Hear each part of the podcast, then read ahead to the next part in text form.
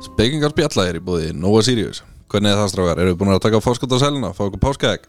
Já. Uh, heldur betur maður getur ekki sleppt þessu Nei þau kalla á manni í búðunum Já, og bara maður vaknar vakna feskur vak Nei, bara uh, páskaækin er, í- er í draumum mínum og ég vakna alltaf bara kósveittur og bara Svangur. með ekkert páskaæki í höndum sko. Nei. Bara til í öllum, öllum betri helstu, öllum búðum þetta er komið. Spengarspjalla er jafnframt í búið fagmats. Það er semismiður sem að rakamælir og hann ástæðskoðar og allir þeir sem eru í sko, er í einhvers konar hugleggingum um annarkvort að kaupa fasteign eða þurfa að ráðast í viðhald þá fara á fagmat.is og hafið samband við semismið það er svoleiðis. 250 litir, steppi málari. Í þessu töluðu orðum þá er hann að mála hjá Sævari sem var hérna gestur í okkur um daginn.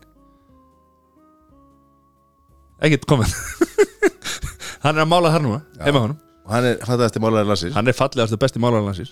Liti.is, tala við hann. Hann græðir þetta fyrir ykkur maður. Steini, hvað þú byrjaðir á þessu, Já, heldur betur. Ert þú ný rödd hérna á, á podcastuðinni? Já, ég veit ekki betur sko. Ert þú Ólaða Darri podcastöðan? e, Ég er allavega með andliti að vera í podcasti sko. Sem Nei. kannski eld, eldsti brandari podcast á Íslandi Nei, ég meina við förum bara að setja þetta í hérna, myndið ekki, þá ertu flottur Æ, já, já, ok Þú ert að fara að byrja með yðnaðarspjalli Heldur betur og hvað, hvað, hérna hvað verður það? Hvernig verður það? uh, Heru, Ég er yðnaða með þessi sjálfur og hérna ég hef bara svona já, í stuttum máli þá hef ég stundum astnalega mikinn áhuga á þessu. Og hérna mér langar bara að fá, fá menn í spjall bara og kynnast ólíkum yðnaðamennum úr ólíkum stjættum sjálfélagsins að mörguleiti og hérna Okkur hlakka bara mikið, fræðast. okkur hlakka mikið til að hérna, hlusta á þetta. Heldur betur, gaman að heyra. Þarf að vera eh, með meistarréttindi til þess að hlusta á þáttina? uh, Nei, mæli með því skilur en það er ekki krafa sko Það verður þáttu fyrir Þannig alla. að þú getur hlustað Þó er sérlega frá einhver Búm, B.O.B.A. Herri Sæður, við vorum að klára þátt maður. Rosalega þátt. Ármann Reynisson. Viðskiptamaður, rítihöndur, listamaður. Hann er flottur. Vinnjættur Vinnjættur Kemur ný bók núna í haust sem verður bók númer 19 Hann er búin að gefa út átjánbækur og bók númer 19 kemur núna í, í haust. 800 sögur. Já, með nýja bókinni þá verða, verða þetta hérna yfir 800 sögur. Það eru 43 sögur í hverri bók og hann er búin að gefa út átján nú þegar. Það er þetta nálgast bækurnar á Ármann R. R. Klára þú þetta bara? Punktur is. Bara aftur yfir þetta? Nei, punktu komi Já, punktur .com, það er ármannr.com Já, það er hægt að kaupa allar bækurnar hjá honum. Og endilega bara, þetta þetta er, þetta er flottu karakter. Flottu kall. Við bara þökkum hann kella að vera að koma og eða smá tíma með okkur. Gjör þessu vel. Til okkar í, í hljóðveri er komið best klætti viðmælandin Glæs, gl- Glæsilega klættur og hérna og Mattías ég vil að þú takir þér hann til fyrirmyndar hérna næst þegar þú mætir hérna og Ég, þetta er bara svo Ég, já, ég er bara galla buksum og, og hérna og hætti peysu sko, það er bara einnig vinnan hjá mér þú veist hvað það strílaðir upp lögfræðingur í það verð sko Já, maður þarf að, maður þarf að taka sér til á móndana Mattías Ármann Reynisson, velkomin Þakkaði fyrir. uh, Þú ert alltaf vel hættur Já, ég hef nú alltaf lagt áherslu það að vera snirtilegur. Ég var, nú eiginlega alinn þannig upp. Móðir mín, hún, og við, erum fjög sískinin, hún lagði alltaf miklu áherslu á snirtimennsku og klæða sig svona vel og sómasamlega. Og ég er nú bara haldið í allar kvötu frá, frá því að var bad. Þetta er bara hrós, þetta er alveg ég þarf að taka mig saman í allir er Ég byrja á mótnana á því að fara í styrtu og, og, og taka mig til og, og, og klæða mig upp e- svona eftir það fyrir þá eftir ástíð um, um, veðri og hvert ég er að fara þann daginn. Þannig ég veit eiginlega aldrei, aldrei hvernig ég verið klættur sko, fyrir en bara ég vakna mótnana Já. þann daginn sko. Ertu yfirleitt í jakkafötum eða ertu ég bý og starfa heima hjá mér í Súðarvæginum þannig að dagstaglega þá er ég nú svona casual-klættur Já, en meðan ég var í, í, í viðskiptum að þá þá var ég nú í, í jakkafötum með bindið að slöfu upp hvernig einasta dag frá mótni til kvöls þannig en, en þegar ég fer eitthvert að þá þá klæði ég mig upp. Já. Mér finnst það þægilegt að vera í vinnu sem ég þarf ekki verið í jakkafötum. Já, Það er bara ég. en, en þá ertu bara alveg eins þegar þú kemur heim. Já, það er rétt hjör þá er eins og hafi bara ekkert farið. En Árma, hvað er hérna, hvaðan kemur? Hvað er hérna? Ég er fættur uppalinn í Reykjavík, nánar á laugateig sem er vestanverð, við vestanverðan laugadalinn og þegar ég er sjö ára gamall að þá flytjum við eiginlega austur fyrir laugardalinn í, í Álfeimana og, og, og byrja í, í barnaskóla í Langholtskóla. Ok. Þannig að laugadalurinn er eiginlega mitt uppeldis svæði og, og og veru betra gata nú ekki verið. Það var eiginlega sveit í þá daga. Já, með, með kúm og kindum og hænsnum og ég veit ekki hvað. Og svo þetta með, með skrúðgarðinum og við le, lekum okkur auðvitað í, í, í trjánum eins og tassa napabróðir Já. og, og vorum þetta skam, skömmuð fyrir og, og ég veit ekki hvað og hvað. Eins og það var. Hvað, er hérna, hvað ár, árger ertu? Hvað er hérna? Ég fættur annan desember 1951 þannig ég er nokkuð skona jólabann Já, ertu mikill jóla maður? Já, ég, það hefur nú bara aukist með árunum ég hef ákala gaman að því að að uh, setja upp jólaskrautið. Ég á nú stórt safn af handgerðu jólaskrauti sem að ég hef svona keift í gegnum árin og áratugina og verið gefið. Og ég byrja alltaf að skreita mánuð fyrir jól.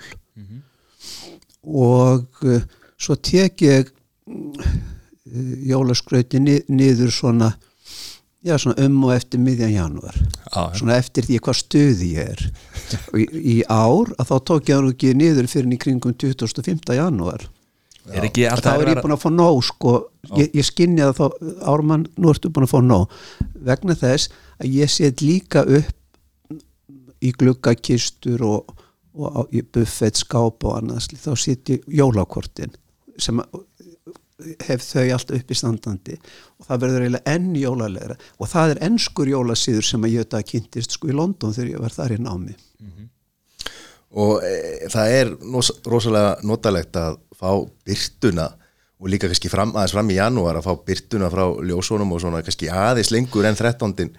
já, já, já, sko ég hef ég hef nú aldrei þekkt þunglindi eða haft áhyggjur af, af skamdeginu en ég breyti svona lifnaðarháttum dálítið sko eh, eftir því hvort það sé vor, sömar, haust eða vetur.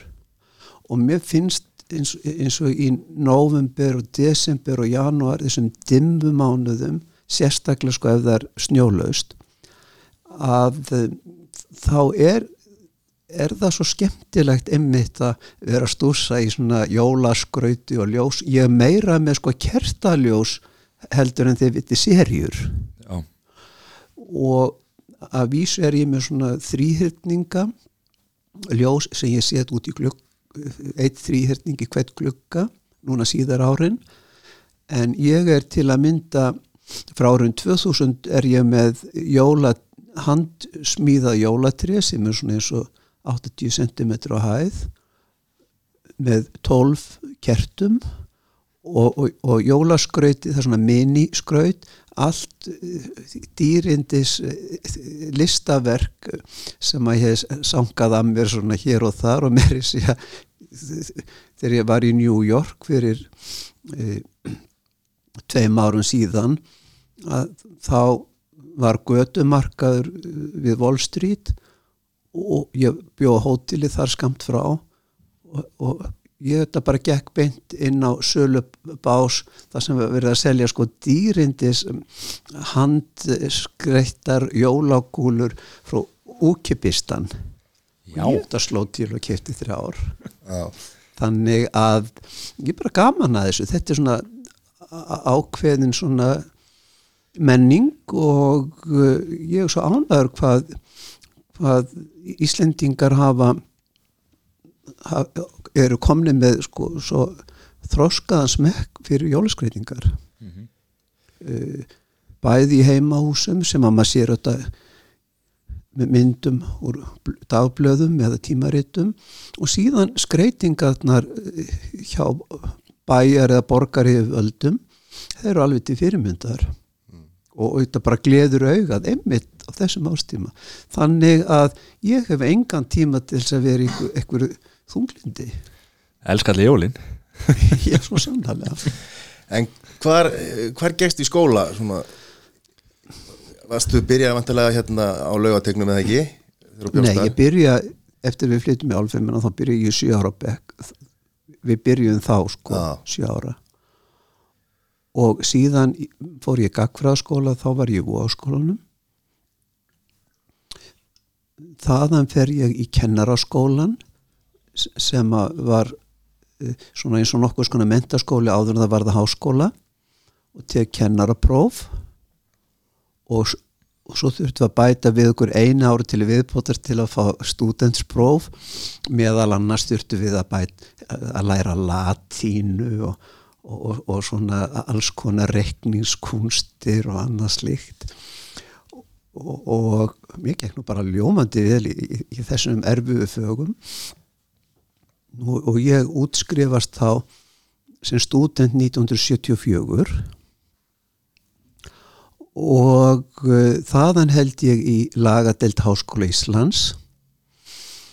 Og í raun og veru fannst mér svona áhugavert að, að fara þá braut ég var ég, fann á mér, ég erði aldrei ánaður að vera kennari. Það bara passaði mér ekki. Þetta, Var það planið fyrst eða? já, svona nokkun veginn. Já. nú um, mér gekk mjög vel í lagadeildinu svona til að byrja með. Og þá til að mynda á þeim árum að þá var kannski 70% fall sko á fyrsta ári. Og ég flög e- e- inn, inn á annað ár. En svo fór nú að hallundan fæti. Á þeim árum byrjaði ég á söluferðum á sumrin um landið þvert og endilangt var svona 2-3 mánuði á þeim ferðarlögum og ég fór svona halla við, hallast að viðskiptum. Og einhvern veginn þá dró úr áhuga mínum á lögum og lögfræði og fyrir utan það að mér fannst það nú kannski ekki vera alveg mín deild. Og svo þetta endaði með því að, að ég fjall á einhvernum prófum og, og hætti og ákvaða söðla um og, og, og uh, flytja mig til London. Hva, hvað varst að gera hérna árið fyrir til London hérna, hvað varst að selja? Á sumrin? Já, Já, það var allt milli heimis og jarðar. Ég var að selja fyrstu söluferðirnar voru eh, fyrir svona heildsala. Ég var til að mynda með búðarvogir, slökkvutæki, e, snirtuvörur. E, ég er nú fyrstur að- kynna tölvubúðarkassana og, og litlu handtölvurnar menn ráku bara upp stór augu þegar þið sáu mig sáu þegar ég var að kynna. Þannig ég var í raun og veru uh, með svo mikla vít. Og á þeim fyrstu árunum að þá heimsótti ég fyrirtæki og verslanir og, og bara kynntist allt og öllu hér á landi hvernig viðskiptalífið var þá og síðari árin að þá uh, tók ég að mér að selja ritsöfn fyrir almenna bókafélagið sem þá var nú eitt öflugasta útgáfi fyrirtæki landsins. Og þá var ég sko að selja bækur í, í, í raun og veru í kílóavís þegar ég var með ritsöfn Gunnars Gunnarssonar og, og, og Tómasar Guðmundssonar og, og ritsöfn Hagalins og og, fleiri svona stórsöp þannig ég var að afgreða kannski 10-20 bækur sko bara í einni sölu. Og þá seldi maður allt á vikslum þá, þá voru vikslar svona mikið í viðskiptalífinu og uh, þá þurfti kannski fólk að skrifa undir 12, 6 til 12 viksla ég bau- bauð bauð eh, svona eftir því hvað, hvað upphæðum var á sem er, er, er sem, sagt, sem voru þá leistir út á einhverju mismunandi tímabilum vantarlega já þá voru þetta bara mánaðileg þá, var, þá voru kannski 6 eða 12 vikslar og þá eitt viksl fyrir hvert mánuð. Svo fór þetta bara í bankan og, eða selt í bankan og þeir innheimtu sko. Þetta eru þetta raðgreislur eins og eins og er í dag, í dag og þá, þá en þetta var nú miklu formlegra sko, svona flottir seðlar og, og, og e, svo skrifað skrifað í, í e, hægra hotnið og e, þannig ég kom með bunga af seðlum alltaf heim og hverju söluferð og, og, og meiri segja að það var svo sérstakt að fólki hafði nú meira áhuga að tala við mig, fólki sem var að kaupa bækurnar heldur en heldur en að skrifa nöfn sín á, á, á vikslana, nú er ég að tala um sko nafn heimilsfang og bæjarfélag. Þannig að það var nú í flestum tilfellum að fólk undirritaði viksilinn og baði mig að, fylla hitt út. Og svo þegar ég kom, kom heim og hverju söluferð að þá tóku fóreldrar mínir að sér að fylla út nafnheimil og bæjarfélag. Og þau, þau voru nú stundum orðin nokkuð þreytt í höndunum af áreita vikslana Já, Þetta var bara bullandi vinna. Og brostum nú mikið af því svona síðar. Þannig að það má segja það að árunum 1974 til 1982 að þá hafi ég bara gjörsamlega kynst landi og þjóð eins vel og nokkur maður getur. Í fyrsta lagi að að ferðast svona landið fá allan þann fróðuleg hjá, hjá öllu því fólki sem að ég hitti kynnast viðskiptalífinu eins ömulegt og, og, og, og gamaldags það var e, það, þetta var bara eins og háskóli og svo merkilegt að, að þegar að þessu sölu tímabili laug að þá ítti ég öllum þessum fróðuleg út að hafsöga hugsaði ekkert meira um, um, það og fór ekki út að landi mörg ár á e- eftir vegna þess að ég bara var búin að fá nóg sko að ferðalögunum. Já, ég gæti ekki hugsa mér að fara út að land líklegast í áratug nema þá bara rétt út fyrir Reykjavík. En það merkilega við, við allt þetta er að þegar ég er knúin að skrippborðinu heima hjá mér á ægið sín í Reykjavík árið, í ágúst árið 2000 og ég er knúin að tölfunni til þess að skrifa eitthvað og það, það kemur bara saga sem er þá vinnjéttu skrif að þá er eins og allur þessi mikli fróðleikur frá þessum átta sumrum sem ég var á söluferðunum hann kemur eiginlega bara og kallar á sig og kemur bara til, tilbaka alveg eins, og- eins og, ég- fer eiginlega bara á kvikmyndisýningar sko í huganum og, og ég er enn að vinna úr þessu efni í dag og er ég nú komið með 19. bókina núna í haust þannig að það hefur svo, hefur svo sannlega verið sko gullnáma fyrir, fyrir mig að, að því að ég lendun í þeirri deild að verða rítufundur og þá svona vinnjéttu höfundur að hafa fengið sér þetta þækifæri til að kynast landu þjóða þennan máta. Þarna ertu komið með alveg miljón sögur. Já, sko, hugmyndir fróðleik og, og, og einnig að þegar ég er að skrifa náttúrulýsingar að þá er ég búin að fá svo mikinn fjölda að mismundu veðrarbrygðum náttúrufyrirbærum litum og annað slíkt að ég sé þetta allt fyrir mér þér að skrifa. Sko, og þetta eru þá kannski kannski 30-40 ára gamla minningar. Ómetanlegt Já, það má segja það af því að ég varður í tvöndur en svo fórstu bara hættir að, hérna, ferðast um landið og, flutti til eða fórstu í skóla í London? Já, sko, ég var auðvita á söluferðunum meðan ég var í náminni í Lundunum, ég fjármagnaði mitt dýra nám þar. Ég fer ég er í London þrjú ár og ég byrjaði í London School of Foreign Trade. Hvernig kom það til að þú fórst hvernig hérna, ég vildi bara komast út. Út vil ég. Ekki er þetta ekki var þetta algengt á þessum tíma?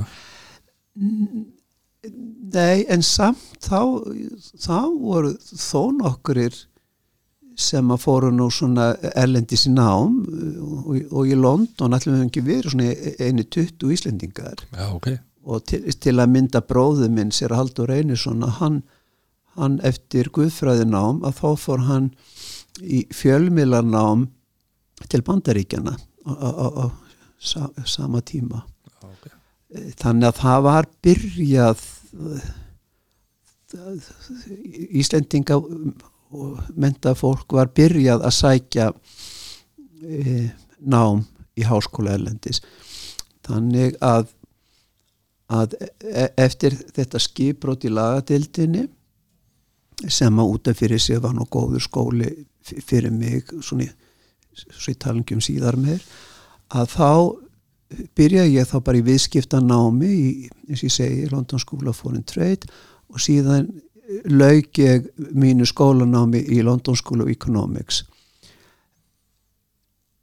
En hins vegar að þá var háskólanám fyrir mig að taka þátt í menningarlífinu í London sem ég gerði nú bara alveg á fullu sko á kvöldin og um helgar. Ég fór á tónleika, myndlistarsýningar söfnin óperusýningar, ballettsýningar og, og, og svona í, mjög skonar menningarleg bóð og, og það var bara alveg ómeta og hefur verið með bara alla æfi ómetaleg eh, leg, eh, legur fróðleikur og, og svona ánægja koma úr, úr, úr dölum og fjörðum á Íslandi bara bent inn í, inn, inn í eh, Lundunir Já, þetta er nú daldi, þetta er nú daldi auka kent, sérstaklega sko á þeim árum. En einhvern veginn fann ég ekkit fyrir þessu. Ég, ég hef alltaf geta aðlaða mig öllum aðstæðum í lífinu. Þannig að þetta trublaði mig ekki. Nema að ég sá það að ég vildi ekki ekki þegar ég kom heim úr námi frá Lundunum 1982 þá gæti ég ekki hugsað mér að fara að starfa í viðskiptum eða bönk, bönk, banka eða eða í viðskiptalífinu sko, eins og það var þá það var bara, það var bara sko, út úr kortinu. Eins, og- eins, eins og koma að byrja afdal. Og ég nefnt ykkur sem dæmi sko, hvað þetta var fáránlegt að allir bændur í Íslandi þeir voru skildugir til þess að kaupa tíman já ok. Þeir gátt ekki sagt tíman upp. Þe- þetta var bara klikk. Þetta er bara eitt dæmi að þessum fáraleika sem var hérna á, á, á þessum árum. Fyrir utan það fyrir utan verðbólguna mm, bankarnir rýrðu spari fyrir innlánseiganda um 30-60% og það var allt löglegt. Það var nú það var engin glæpur. Um, fyrirtæki átt í erfileikum með að selja víksla og, og skuldabref og, og sölu samninga sko inn í bankana, það var klíka Ísland er auðvitað land klíkunar og er það enn. Og, og svo þegar kemur kem ég í raun og veru og stopna fjármáli fyrirtæki ávöxtun og allt þetta og gera alla þessa nýju hluti að, að bara menn hristu hausinn. Þeir bara skildu þetta ekki. Og ég var hættulegur. Því á Íslandi eru allir hættulegi sem að hugsa sjálfstætt og framkvæma sínar hugsanir e, láta drauma sína rætast. Þannig að að þegar ég opna fyrirtækið um áramóti 1982 og 1983 sem var á skristufóli á veginum að þá bara ég var bara eins og kallinu tunglinu. Fólk skildi ekkit hvað ég var að gera.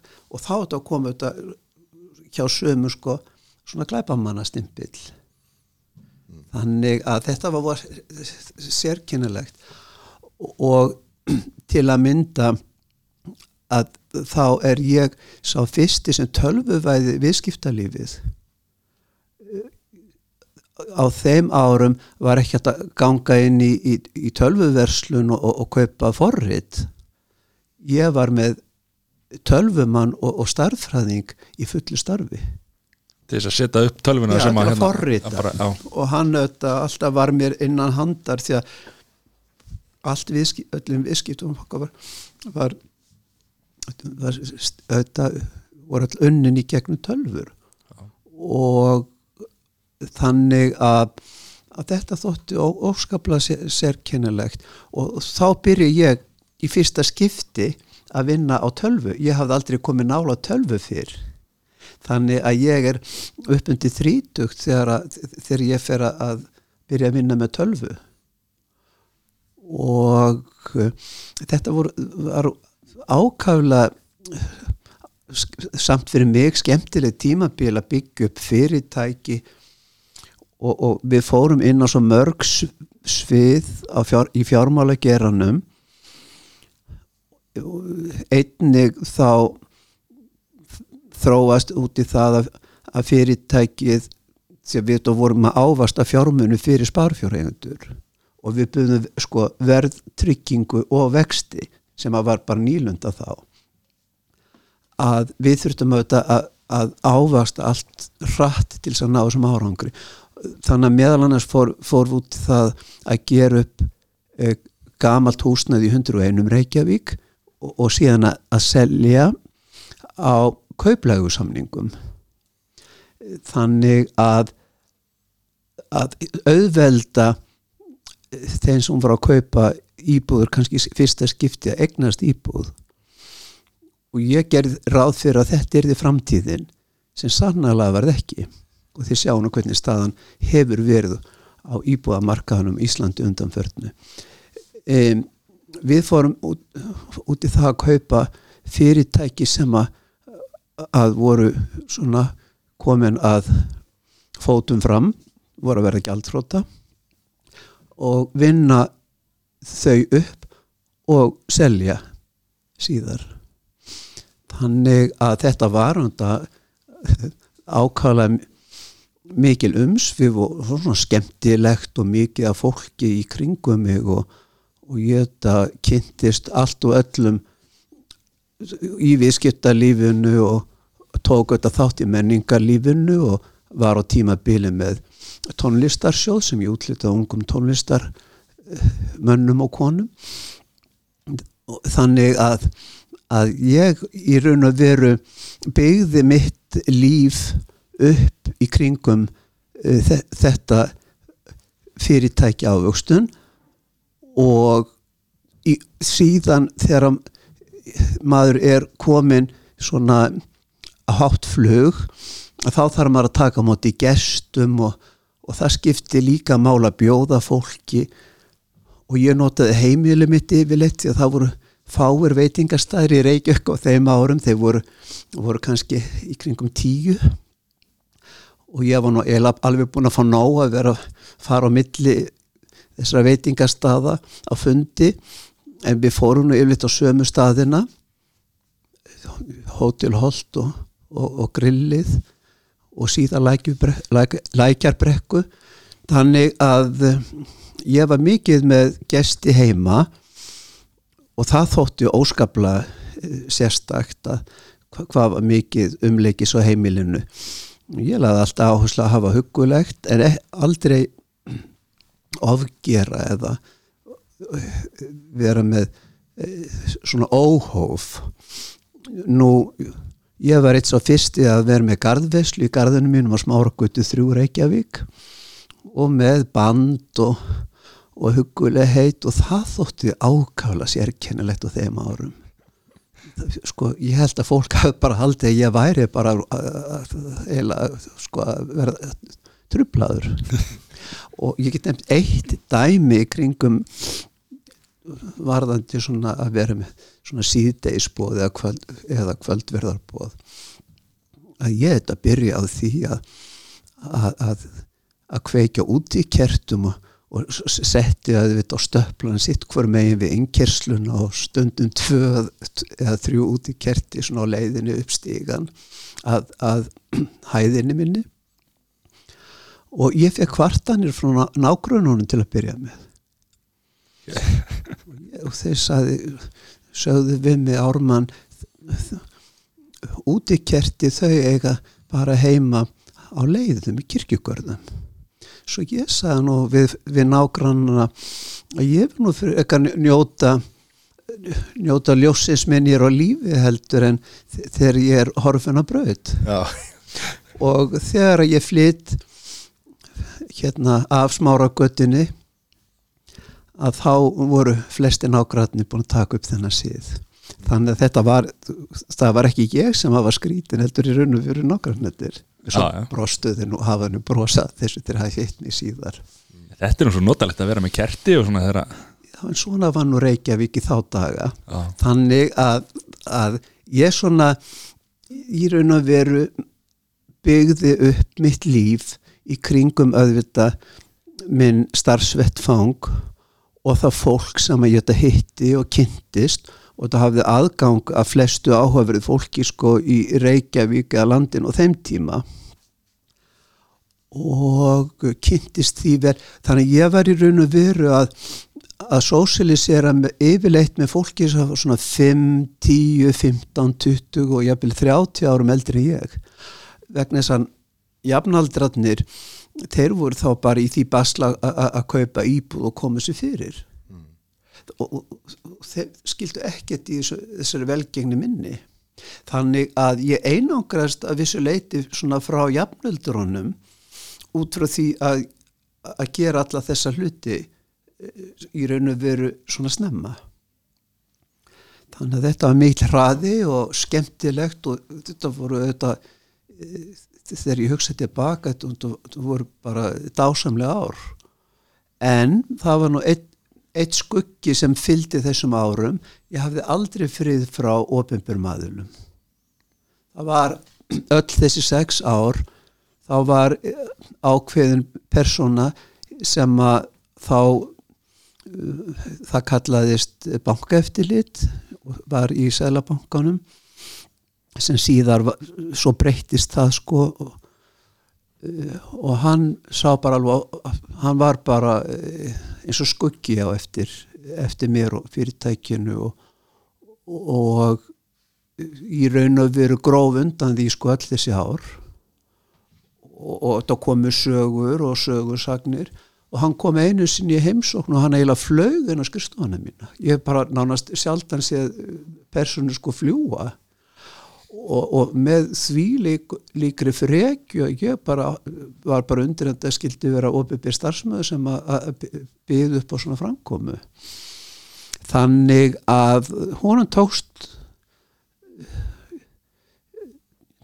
já, sex árum síðar að, að átti sinn þátt í því að knesita fyrirtækið og þessi ágæti maður og hann er nú fallin frá fyrir uh, nokkrum árum síðan svona sko, svona er þetta alltaf típist fyr- fyrir Ísland að, að allavega þeim árum að þegar fólk er að í raun og vera að koma um eitthvað nýtt inn í þjóðlífið og, og er að nýta sína mentun og þekkingu að þá bara eins og, eins og maður sé bara að rugga bá- bátnum.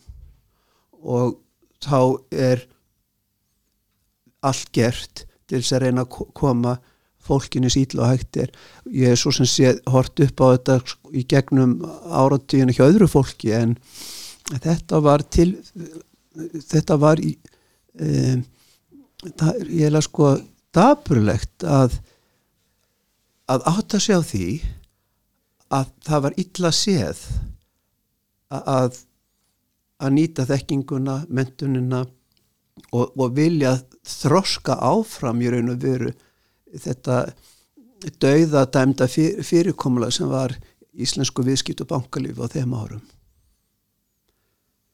Þannig að leikar fóru þannig að, að Ólafur Ragnar Grímsson sem síðan var fósetti að hann kom fram í í ríkisútvarpinu og heldi sig yfir þess, það, þess þrjú fjármála fyrirtæki sem, sjálfstæðu sem að þá voru eh, í Reykjavík. Og næsta dag þá fór hann á stöð 2 og heldi sig yfir þetta með með háværum og ósmeklum orðum.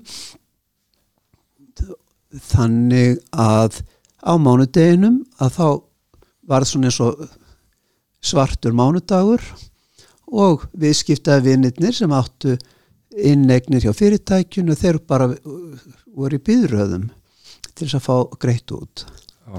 og það sjá allir það að, að það getur ekkit fjármála fyrirtæki lifað þegar þannig kemur upp og kannski var þetta upp, upphafið að kostninga baróttu Ólafs Ragnar Grímssonar til kjörs fórseti Íslands.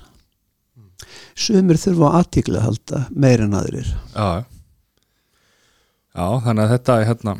Og það verður þarna áhlaup á, á bankan og, eða á, á fyrirtæki og, og, og hérna og hvernig því að nú, nú hefur þú upplifað líka síðan þetta, hérna, þetta bankarun hvernig voru svona tilfinningarna þegar það kemur upp þegar að, að Geir Horte kemur í sjóarbi hvernig kom einhverja svona svipaða tilfinningar svona tilbaka því að þú hafðir þekkt þetta svona áður? Sko ávöxtunarhrunið er á haustmánuðum 1988 og þetta gerðist nánast 1, 2, 3 og það var þetta allt lagt í rúst nánast einni nóttu og allur minn persónlega fjárhægur heimili listaverk það var allt lagt í rúst. Þannig út af fyrir sig að þá stóð ég nú bara sviðinu jörð eins og þjóðverjar eftir síðar heimstyrildina og þetta er þetta ákala mikil átök að ganga í gegnum svona án þess að verða brjálaður.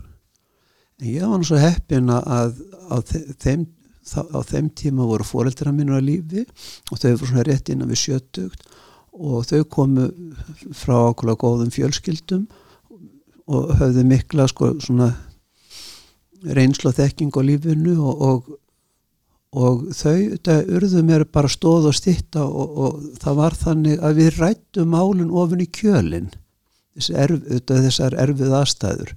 Og það í raun að veru er það sem að skiptir höfu máli þegar fólk lendir í einhvern erfileikum þar að ræða málun onni í kjölin ég leitað ekki til til sálfræðinga eða presta eða, eða nánast annar en ég átti nú stórun og mikinn vinahóp sem ég raun að veru datt nú út líka.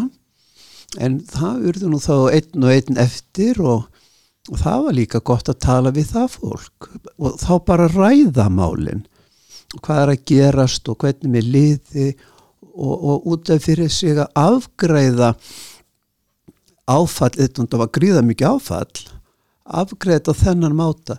Ég til að mynda heldi mér nú ekki út í, út í hérna víndrykju eða ég hef nú aldrei verið í livjum þannig að ég tók nú bara á þessu edru. Og e, það má segja það að það e, ríkis kerfi sem að, að var þarna sem átti aðild að þessu ávöstunarhunni að 20 árum síðar að þá stýrir það í raun og veru landinu nánast í þrótt það verið bankarun þá, þá eh, 2008 og ég verð að segja eins og er eins staburlegt og það var að horfa upp á það og horfa upp á þetta bankaævintýr og útrásarævintýr. Og þá var aðalmaðurinn í því ævintýri að kynna land og þjóðarlendis Ólaf Ragnar Grímsson fórseti ég verð að segja þrátt fyrir það að ég fann fyrir svona svipum daburleika þó ekki einn sterkum því að þetta var þetta fjær mér. Og ég var þá löngu sko komin út úr viðskiptalífinu þannig að, að ég átti enga, enga hagsmun að gæta þar. Um, en ég verði að viðkynna það að sála er besti síðastlær því að margt að þessu fólki sem teng, oppenberu aðilum sem tengdu bankarhununu og báru síðan enga ábyrð eins og ég fann að láta þeim bera þegar, þegar mitt fyrirtæki var úrstað að það bara síðar, síðan enga ábyrð og, og fólk sem að, að, að fæ, finnur ekki fyrir högginu. Ég meina uh, ég var launalaus uh, heimili var úrstað ég var bara út á götu. Þetta fólk kynntist ekki þess, þess, þessari meðferð. Og þegar að þú verður fyrir áföllum og, og, og, og þú hefur bara mánaðalaunin og heimilið og allt bara eins og það var þá, þá kynnist fólkið það kann ekki að taka kyn, það kynnist ekki áfallinu. Það er ekki, fyrir, það er ekki nema þeir sem að missa hluta af, af sínum, sínum tekjum eða missa heimilin sem að í raun og verðu verðu fyrir högginu og uh, það kemur mér ákala óvart hvað menn sleppa létt vegna þess að, að ég hugsa að að fáar personur á Íslandi á síðar hlutu 20. aldar hafi fengið eins mikla ofan í gjöf og ég og það nægðu þetta ekki að, að rústera öllum fjárhagnum mínum og líferinu mínum í þokkabót heldur rústaði líka sko mannorðinu mm. þannig að ég var bara personan og grata sko, og það, það hjá sko fjölmjölafólki eða stórum hluta fjölmjölafólki og svo í talanum um þetta hjá öllu batteríinu. Og mikið skemmtu menn sér vel. Og svo í talanum um í böngunum sem þetta hötuðu mig á þessum ávestur árum því að ég þetta var að gera það eina rétta. Þannig að þetta voru að sérkennilegt að lítið tilbaka. Og ég skil eiginlega ekki af hverju af hverju ég bara lokaði ekki sko sjóppunni eftir fyrstu árin og, og, og bara fluttu mig til London. En ég vildi nú bara lifa og starfa hér á landi og áttan andin leitar. Og held nú að, að við myndum nú takast að, að byggja upp fyrirtækið og, og annað sem að þetta gekk æfinn til að vel og, í mörg ár. Að það í raun og veru e, það má segja það að það hafi, hafi orða skipróti og í raun og veru mitt skipbrot var svo markvallt meira heldur en hjá, ég myndi segja flestum sem að lendi vangarhauðinu mm. nú síðan er ég ekkert að velta mér upp, upp, upp, upp úr mínum málum eða bankarhauðinu eða því fólki sem að, að slapna vel frá sinni ábyrð þá þurft enginn að byrja ábyrð að vísu hafa þau verið að dæma bankamennina og, en þeir þetta voru bara búin að flytja miljardan úr landi. Á meðan Ármaður Einarsson var með með hérna í raun og veru bara eignalös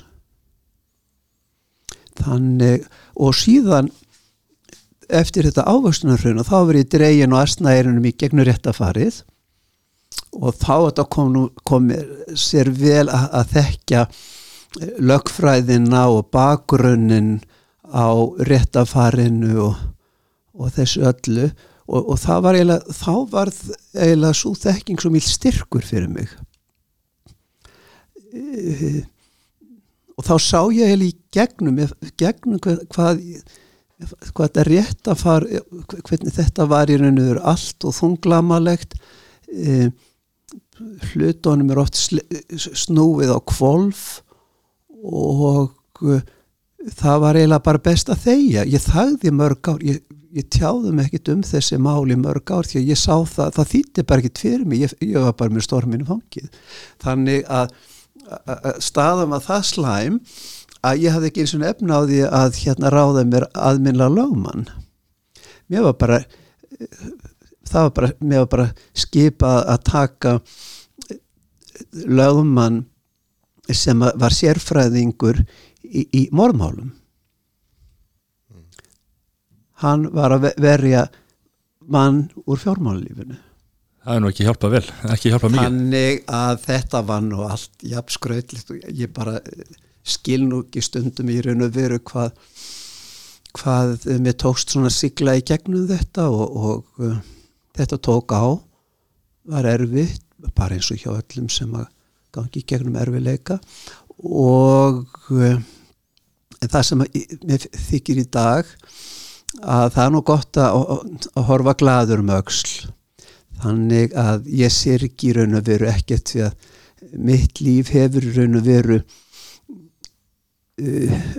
þróast uh, mikið betur og, og áhugaverðara heldur en hefði verið áfram í viðskiptalifinu og uh, sérstaklega að vera er, er ég hamingjusamur að hafa ekki verið viðskiptalifinu á á útrásar og bankatímabilin og fyr- fyrsta áratug 21. aldar sem að svo sannarlega hefur farið illa með, með íslensku, íslenska þjóð og í raun og veru grunnstóður þjóðfélagsins og það er eiginlega ekkert útséð með hvernig það allt eh, endar eða fer.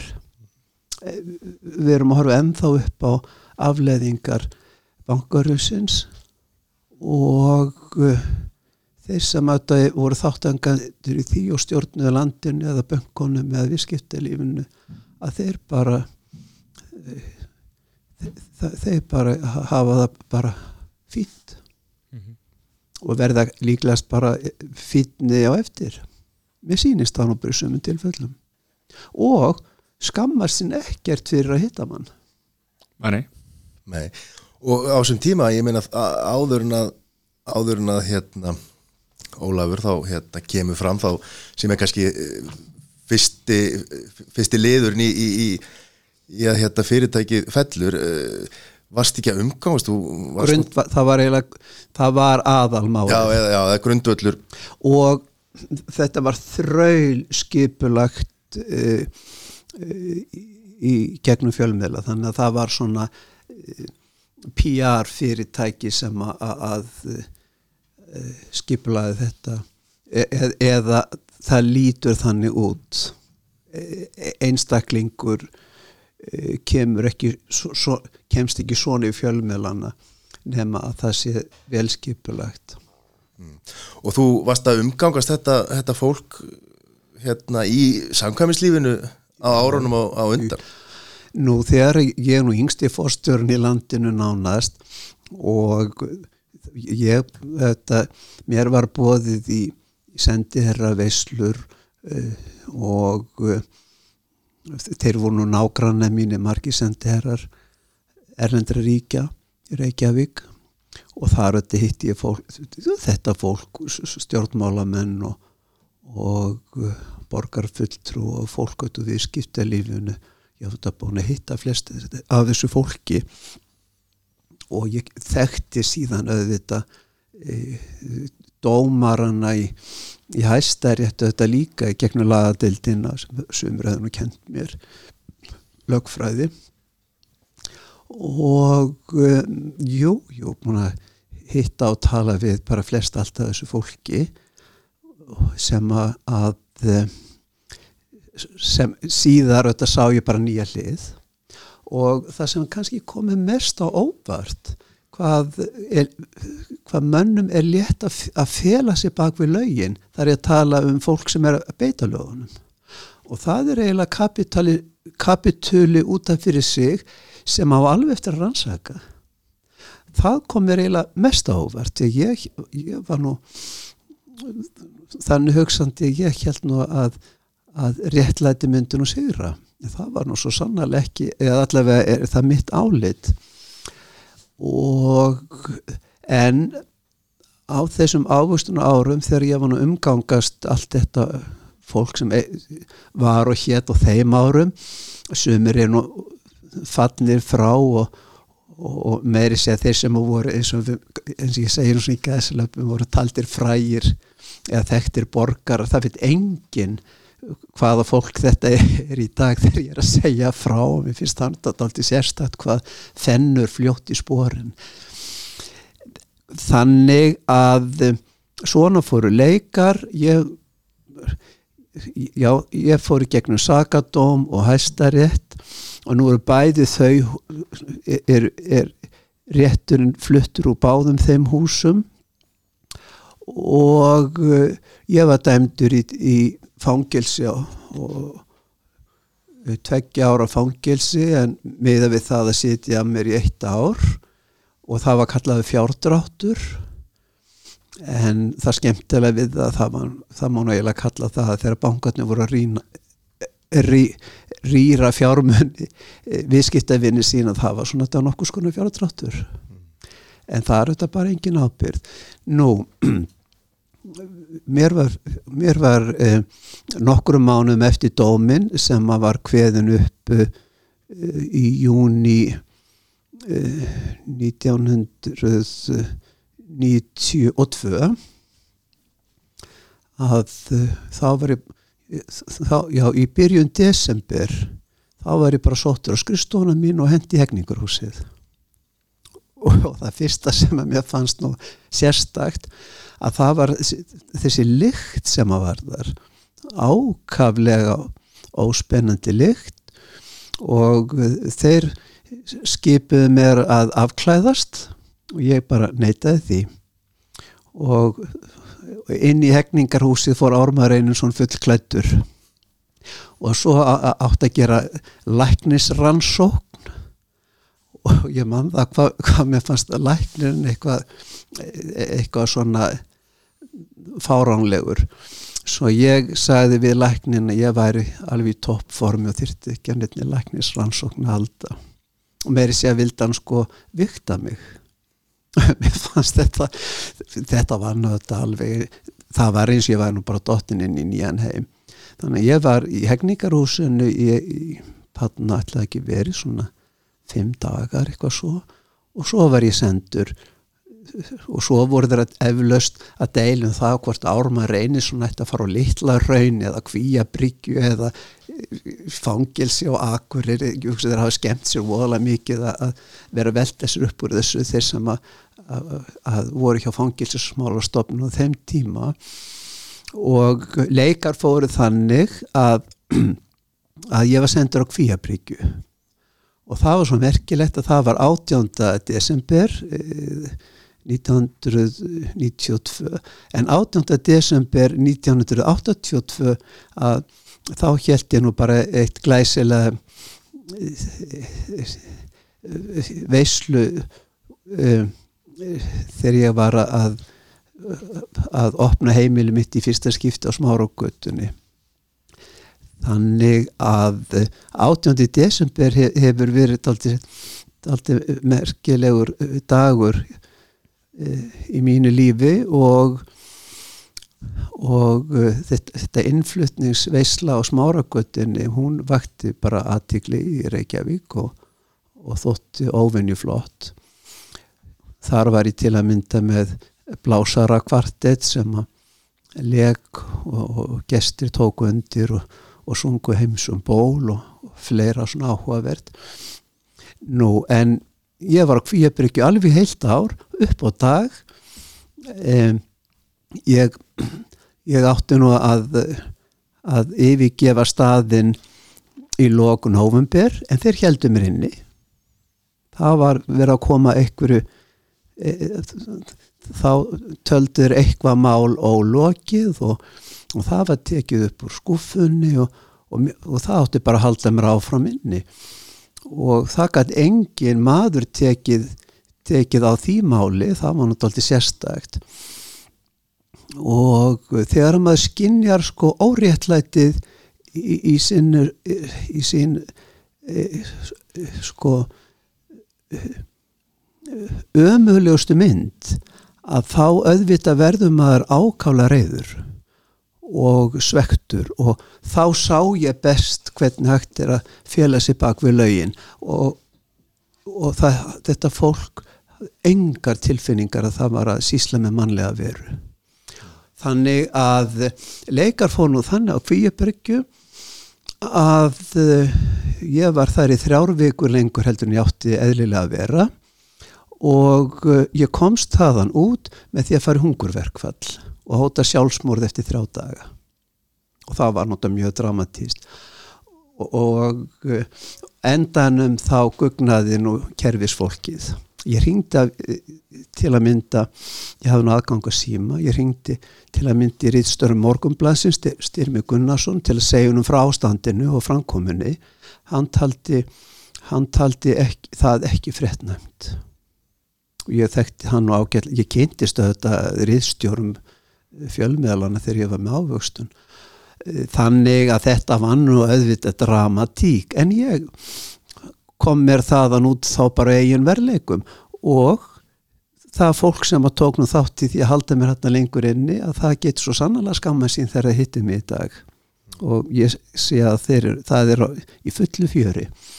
En aftur á móti dvöluna á Kvíabryggju hún var alltaf sérstök það var, það var eins og kallinu tunglinu ditt í þangaðinn því að ég var þar innum innum morðingja og, og, og kynferðisklaupamenn og og dópista og ég veit ekki hvaða lið ég var að hitta og, svona lauslega kynnast. Þannig að það er þarna ákveðin augrun að þetta úr fínheitunum inn í svona selskap og ekkert auðvitað við að vera maður þurfti náttúrulega bara að bjarga sér sjálfur. Og það var það var lærdómsríkt og þetta var svona eins og sveitaheimili. Stórkosliðu staður. En þetta ár það var mér bara eins og háskóla nám. Það er, eins, það er eins og ég hef bara verið fjarnámi við Háskóla Íslands því að í fyrsta lagi las ég nú allar þar helstu heimsbókmentir sem að að ég átti eftir að lesa meðal annars allt rítverk Shakespeare's og uh, ég tók uh, fór í gegnum uh, flestar óperur óperusögunar og sálumessur og, og svona klassiska tónlist Eila, það, það var gríðari tónlistarnám. Í þriðja lagi að fá dýfkað ég til muna skinnjun mín á náttúrunni. Og, er bara hví ég bryggju þakklátur fyrir að hafa örfað svona já þá skinnjun og tilfinningu sem að maður þarf að hafa fyrir náttúrunni og svo í talingum fugglalífinu sérstaklega þegar að maður er að skrifa. Þannig að ég var nú eiginlega bara gerð, gerður að rítöfundi þegar eiginlega þegar upp í staðið að þá gerði þetta, þetta kerfi mér mig að rítumöndi Þarna verða kapla skil og, og þú hérna já, teku við næsti ferill sem, sem rítumundur og listamæður Já. Það merkilega við allt saman á Kvíabryggju að ég fóð nú alltaf í klukkutíma ganguferðir og það var álfhóll uh, skamt frá bænum. Og þar satt ég oft svona á sumurinn og horfið við breyðafjörð og ég man það einn daginn í júli og þá siti ég á álfólnum og, og það bara koma upp kemur bara upp í hugan hvudminn góður ármann þú veit sko algjörlega á botninum eins og ég var. Hvað ætlar að gera og hvernig ætlar að vinna þig úr þessu og, og bara hvernig þetta er að standa í fætunar þegar búður að misbjóða þér svona? Og það er bara, og ég er að hugsa þetta fram og tilbaka og reyna hafa einhverja framtíða sín og vegna þess að ég ætlaði að menna þetta ekkert að láta slá mig niður nema þá bara tímabundið. Og þá svo merkilegt að ég heyri svona karlmannarlega rödd í huganum og röddin segir Ármann þú verður að skrifa sögur til að leiðri þetta málum þinn og svo ekkert meir. Og ég hugsa með mér ég er engin rithöfundur og allar mér ekki að fara inn á þá braut og, og þótti ég sé velmyndaði maður og þá þarf maður að hafa eitthvað sérstak, þá þarf maður að hafa sérstakar neista til þess að vera sko listamaður og hvað þú rithöfundur og uh, svo hugsaði ég nú ekki meir um það og þegar ég kem, kem aftur heim frá Kvíabryggju 18. desember 1993 að þá bara byrja ég að, að taka til hendinni og, og ég dreif mig til New York og, og, og dvaldist þar hjá góðu vinum mínum frá, frá háskóla áronum Tannenbaum, Richard Tannenbaum og hans fjölskyldu. Og í dag er sá maður talin sko einna tíu súper lög, lögfræðingum í, í, á Manhattan. Og svo fór ég í siklingum Karabiska hafið og svona til að leta á mér og svona fríska mig upp og, og, og, og svona hugsa málinn og þegar ég kem he heim í, í, í lok janúar að þá fikk ég enn eina ákeruna Þetta var ekki búið? Nei, nei og, og, uh, ég neytaði nú að skrifa undir hana og, og mér var mér var hótaði, við kem ekki niður í niður í domshús sem þá var nú vil fluttnir og lækjagötu og þetta var svo mildskripa leikur að halva værin og, og þar held ég nú bara ræðu yfir e, e, saksóknaranum og, og, og dómarannum og gekk út mér var svo ofbóði ég sagði sko þetta er bara leikursfáranleikans og og sá þannig að það var þeir bara gáfist upp en þeir ætlaði að halda áfram En var það út af sama fyrirtæki? Út af fyrirtæki? Já, já það var sko fyrirtæki sem var tengt ávöxtun sko. Þa, þar átti ég að hafa eitthvað að, sko, það var, var sjálfstæðu frænkvæmdastjóri og þar átti eitthvað mísjamt af að veru þetta sem ég þetta vissi ekkit um og var síðan ekkit mísjamt það var eitthvað það var eitthvað skil hvort að verið á sköttum eða verið þessu eitthvað skatti eitthvað slíku, ah. sko, eitthvað sem ég bara hafi ekki tjómyndum þannig að ég fekk nú fekk nú svona auka hvað, svona já, þetta var svona svolítið bónus að að, að fara kynnast þessu. Nú en ég let það nú ekki á mig fá og, og lít bara á þess, þetta vandamál þeirra sem kom að þeim málum. Því að þeir auðvitað sem að dæma og, og, og koma að svona málum að þeir auðvitað sitja uppi með með uh, ákvarðanir sínar. Mm -hmm. þeir geta komið fólki ákalítla og dómar geta verið réttlátir og óréttlátir og allt ára milli en að sanna við höfum nú bara orðið vitna af, af dómsmorðum og hvað þá, hvað þá uh, sem að, að ný, nýla hafa komið upp. Þannig að, að þeir sem dæmdi þeim málum þeir bara unga ábyrð nú, en ég bara sildi gegnum þetta og afgreitti það og kom mér bara og þetta byrjaði að vinna var alltaf í viðs, eitthvað í viðskiptum sko svona heima hjá mér eftir þetta águstunnsrun og komi bara glæsilega fyrir á ægisíðunni og, og, og svona byggði bara upp heimili og listaverkasafn og og byrjaði að kynnast nýju fólki og laði mikla áherslu á eh, erlendavini bæði austanhafs og vestan sem að komi í heimsókn og, og, og, og var ákveðlega ánægilegt ég svona lagði eiginlega höfuð áherslu á það og svo þetta fór ég notalega að kynast nýju fólki hér á landi og,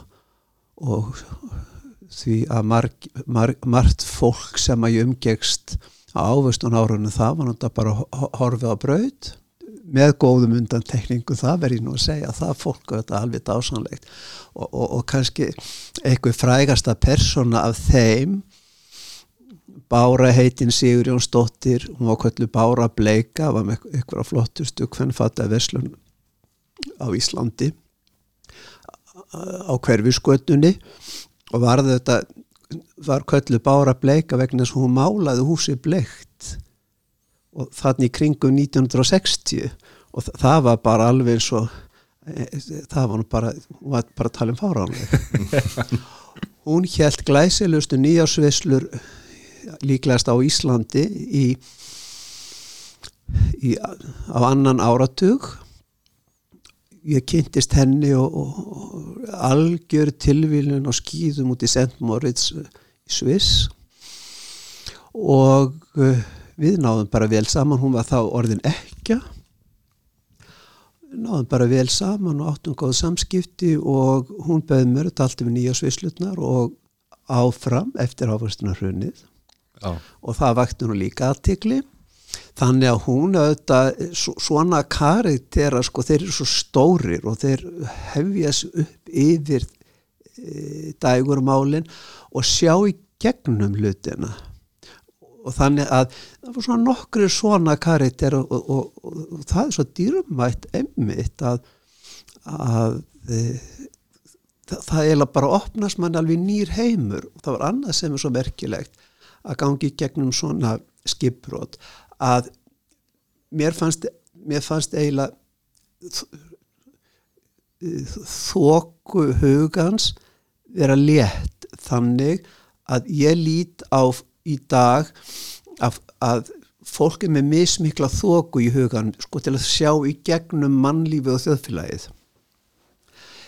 Að gangi í gegnum þetta ávöxtunar hrun og e e eftir málana að þá, þá sé ég enga þó, þóku lengur. Ég sé bara í gegnum hvað er að gerast.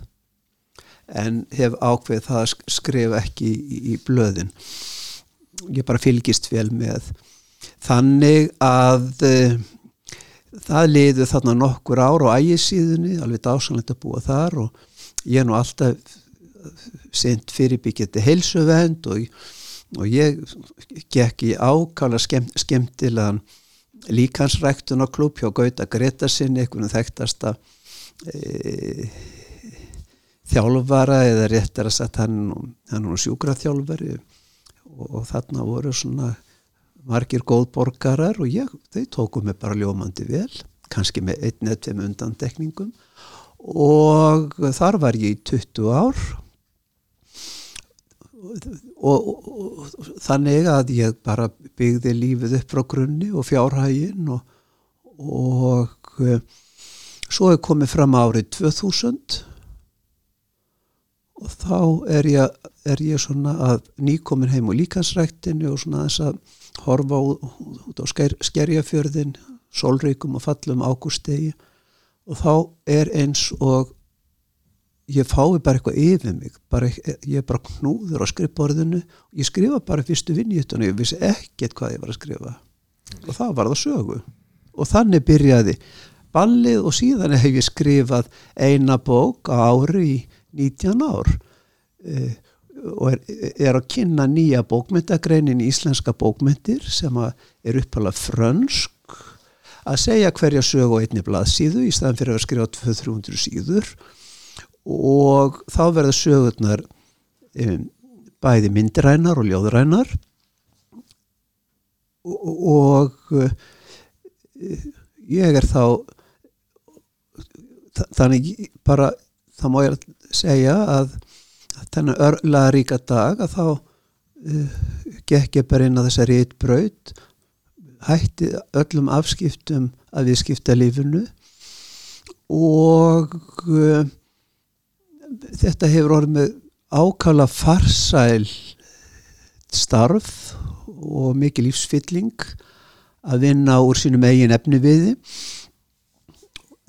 þannig að eh, það er ekki hægt að segja annað að ég sé farsæl maður og, og geti hort gladur um Eh, nú vin, vinjætturnar þessar átján bækur og 19. seg kemur á haust að það eru tvítingdar hver sagi bæðu íslensku og ennsku og það var nú tilviljun að það var þannig ég gef bækurnar út í hágjað útgáfu því Íslendingar þótt að með ég segja margt misjamt um Íslendinga að þá mega þeir eiga það að þeir kunna meta fallega bækur. Og ég fæ ákvæðlega gott hjá þeim sem er að kaupa bækurnar mínar þeir svo ánæður með hvað ég legg mikið metnað í útgáfuna.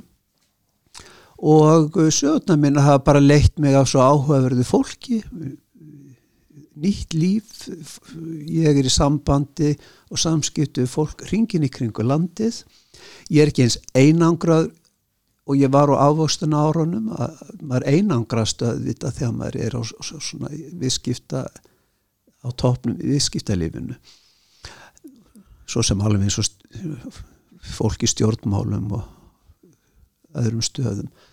Og uh, síðan fljúa sögurnum minnur út um heiminn og, og ég fæ nú eiginlega bestu viðbröðin eða sterkustu viðbröðin frá bandaríkjónum þannig að án þess að ég væri á leiðin til bandaríkjana hausti 2017 nýkomum frá Ítalíu að þá fekk ég, heim, fekk ég bóð frá einu þekktasta hagfræðing bandaríkjana, kornungumanni 44 ára gömlum, professor Stringham, Edvard Píti Stringham og, og hann var svo og er svo heitlaður á sögunum og sagnáforminu og ég var nút af feimin og, og hann, þá var hann þetta búin að kynna sér minn feril og allt það og, og sagði svona já þú ert svo, þetta er allt svo áhugavert að ég bara býðir heimsókn.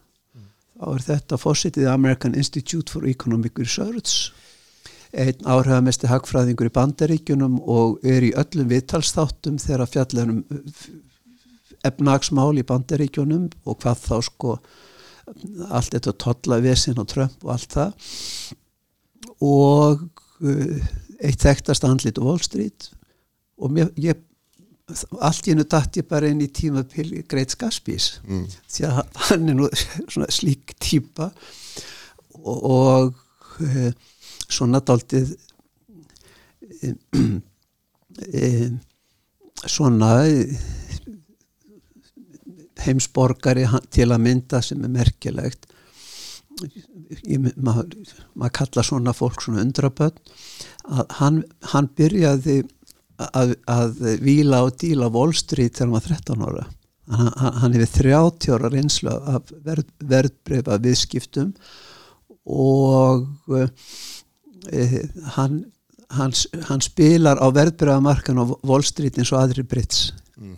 og bara reynd, og beint að hefur svo skemmtilegt fyrir mig sem að þetta þekki líka svona bakgrunnin við hefðum þetta ekki náð svona vel saman nema að ég hefði hefði svona mentun í viðskipta fræðum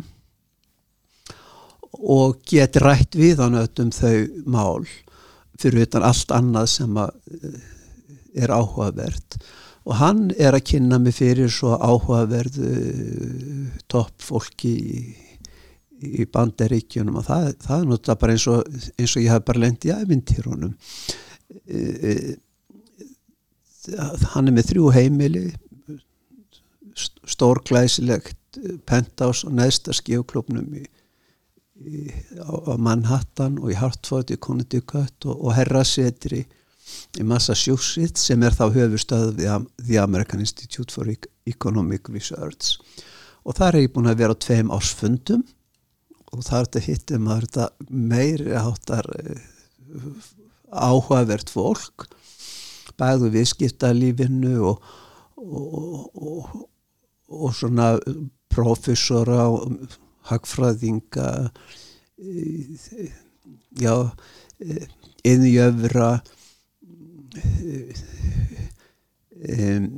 kjarnorku eðlisfræðing og ég veit ekki hvað og hvað og bara virkilega skemmtilegt. Ég hef alltaf gaman að hitta nýtt og áhugaverð fólk því að ég læru þetta ég næri stötta því sem rítumundur og þeim finnst þú að skemmtilegt að hitta mig því ég, svo er ég að segja þeim frá minni lífsreynslu og, og Íslandi og, og lesa upp sögur og, og uh, þannig að þetta hefur verið mýt lærdómur nú svo er annar eh, svona professor eh, frægur í, í bandaríkjánum professor Fioretta Jósef Fioretta við Hofstra University sem er nú talað eitt fínasta háskóli bandaríkján fyrir utan New York að um, hann háskólinn kaupir alla mína bækur og professor Fioretta sem hefur vald á 22 tungumálum hann er nú svo hrifun að vinjéttunum að hann notar sögurna mín af íslensku kjenslu og þeim sem lengar eru komnir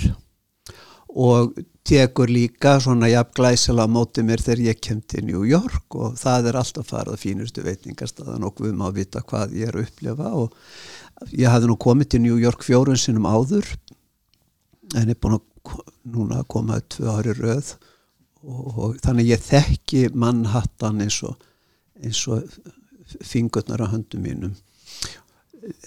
Þannig að New York enn og svona brjálaðslega skemmtil og, og í raun og veru áhuga eða svona já, það er svona áhugaverðasta borgin sem ég hef Þú ert þá hrifnari af, af New York heldur en uh, London? Já, þannig laða séð.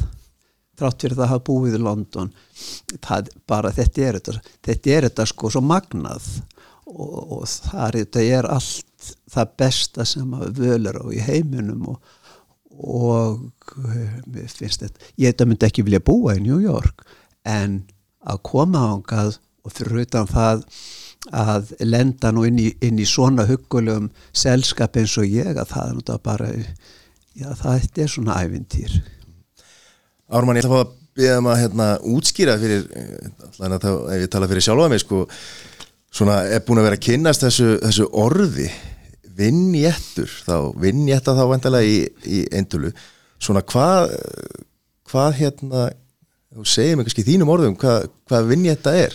Og ég ætla að fá nottækifæri aðeins að sígur hérna aðeins. Mikrofótin, hann er ekki nú festur sko. En hvað hérna Já, þetta er franst orð uppálega vinnje og, og, og taknar vinnviðarlauf og vapninga vinnviðarins og yfirfærist yfir á svona örstutta frá myndræna og litrika frásögn sem að opnar síðan lesandunum sín inn í stóra veröld á einni blaðsíðu í staðin fyrir að vera að skrifa sög, sko vinna úr sögunni 200-300 síður.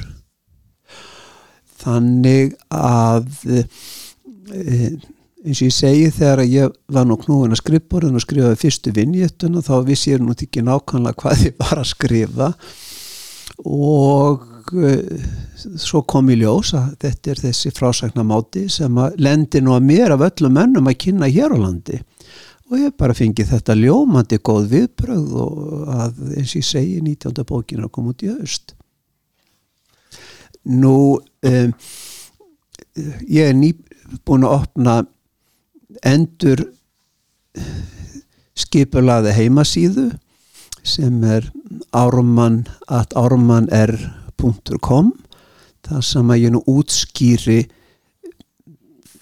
og kynni í raun og veru bækuna mínar. Mjög flott heimasíða.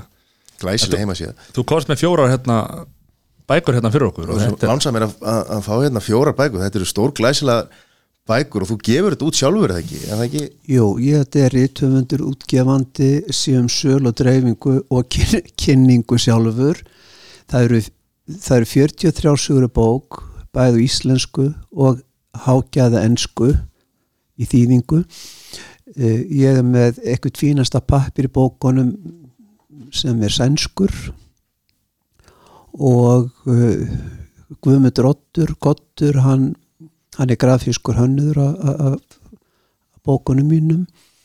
Ég vel listaverk eftir e, samtíma listamenn sem príða bókakápunar þannig að margt fólk notar bækutnum en líka svona svona til sínis og svona nokkur af, af betri hótölum bæði Reykjavík og uh, út á landi eru með bækur eftir með öllum hótelherbyggjum og fæ, þeir fá mjög gott fyrir það.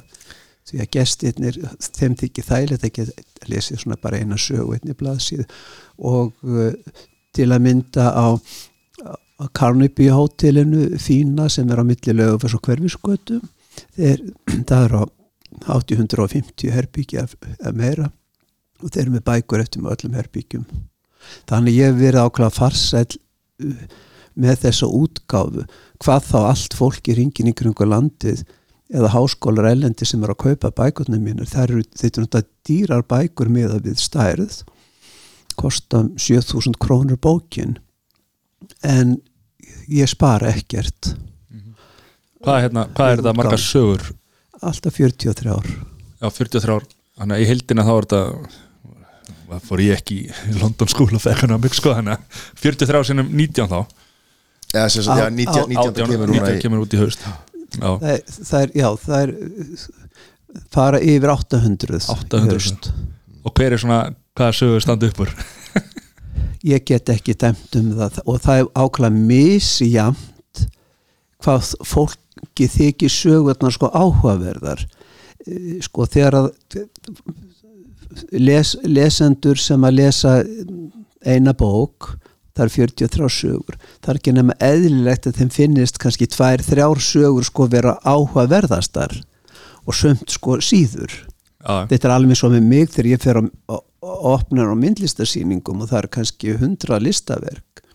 Mér finnst kannski tvö, þrjú stand upp úr. Þannig að ég skil óskup vel að eh, fólk heldur meir upp á sömarsögur en aðrar og bara eðlilegt og það er mismunandi bara eftir, eftir fólki. Ég feg allar útgáfur. Ég held ekkit sérstaklega upp á eh, eina sögu frekar en aðra. Ég bara get ekki gert með grein fyrir því. Nei, og það er eiginlega alltaf best fyrir höfund að vera ekkert að velta sér upp, upp úr því. Því ég er alltaf að hugsa fram í tíma þið vitið með nýjar hugmyndir og nýjar sögur og allt það og þegar ég er búin að gefa út bóka þá er, er, er það bara tíma biliðið Já.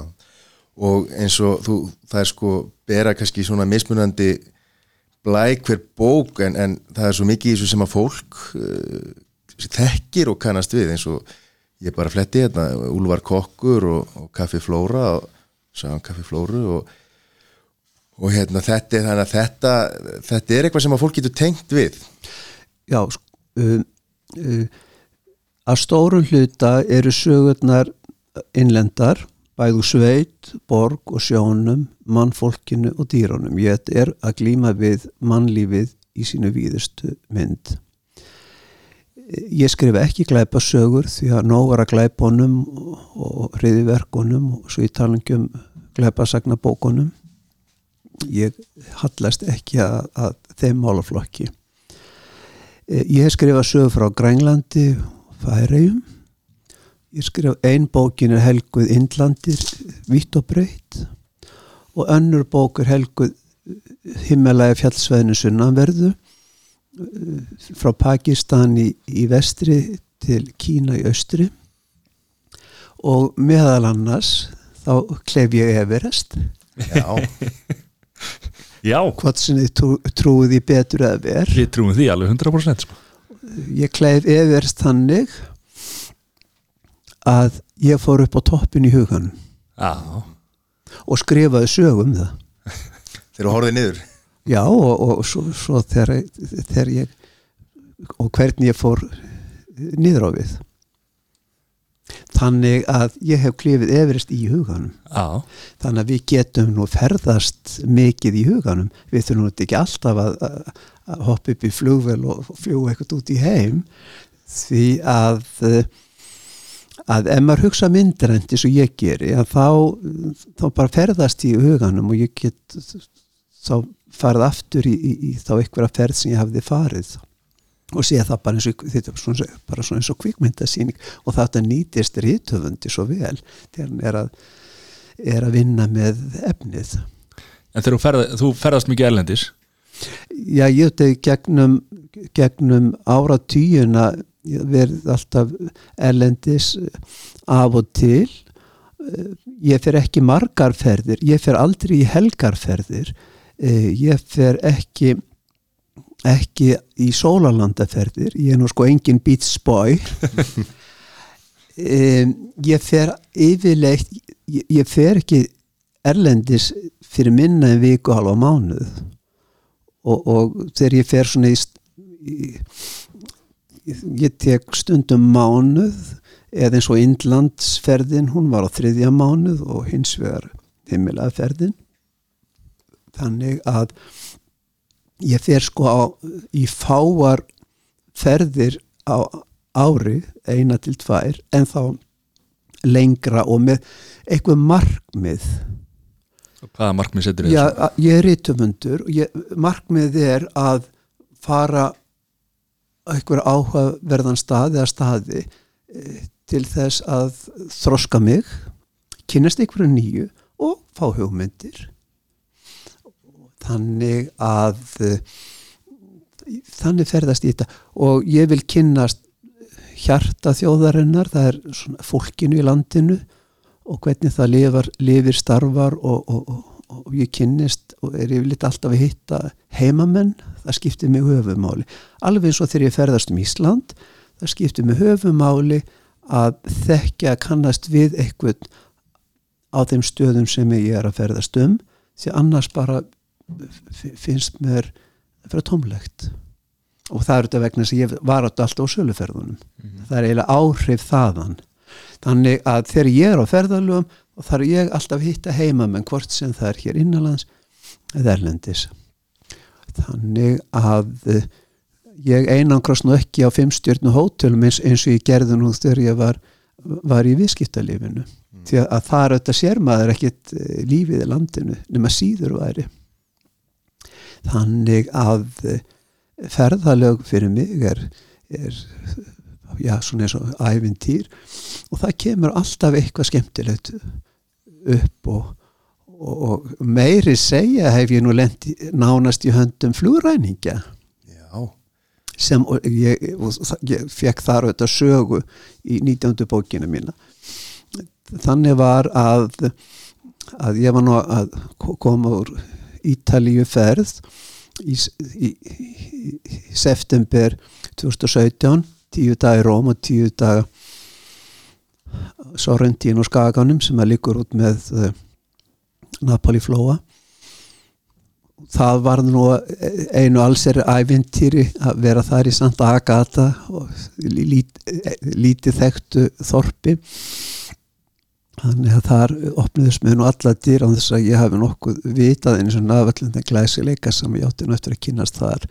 Nú þegar ég er að, að, að, leiðinni heim og kemur að Napoli flugvöll og, og, og það, við vorum komin að borði flugvélina að, að þá skildi ég ekkert í því að, að það var opið flugstjórnaklefan og, og flugfræðan var að ræða við flugmannin og það var þetta og það var hitt. Ég satt á fremsta bekk þannig ég gat, gat nú fylst vel með.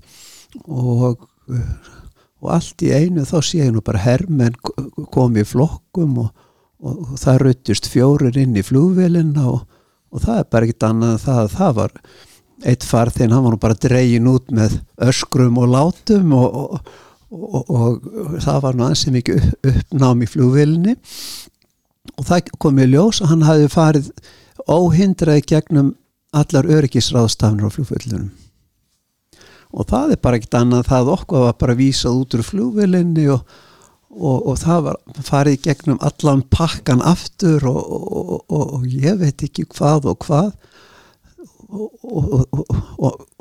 Og ég hafði nú ekki um að tvo klukkutíma sko á milli flugs að koma til Gatvík á Englandi og taka Vá er til Íslands.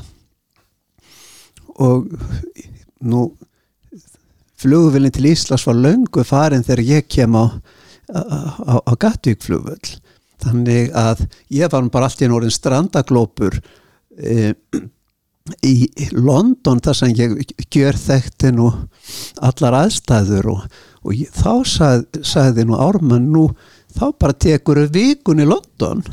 Auðvitað. Ég ætlaði nú að sleppa því í þetta skipti. Og það þetta endaði með því að út úr öllum, öllum þessi, þessu ringulreið og vittleysu að þá bara var það bara meiri hátt að vika í London.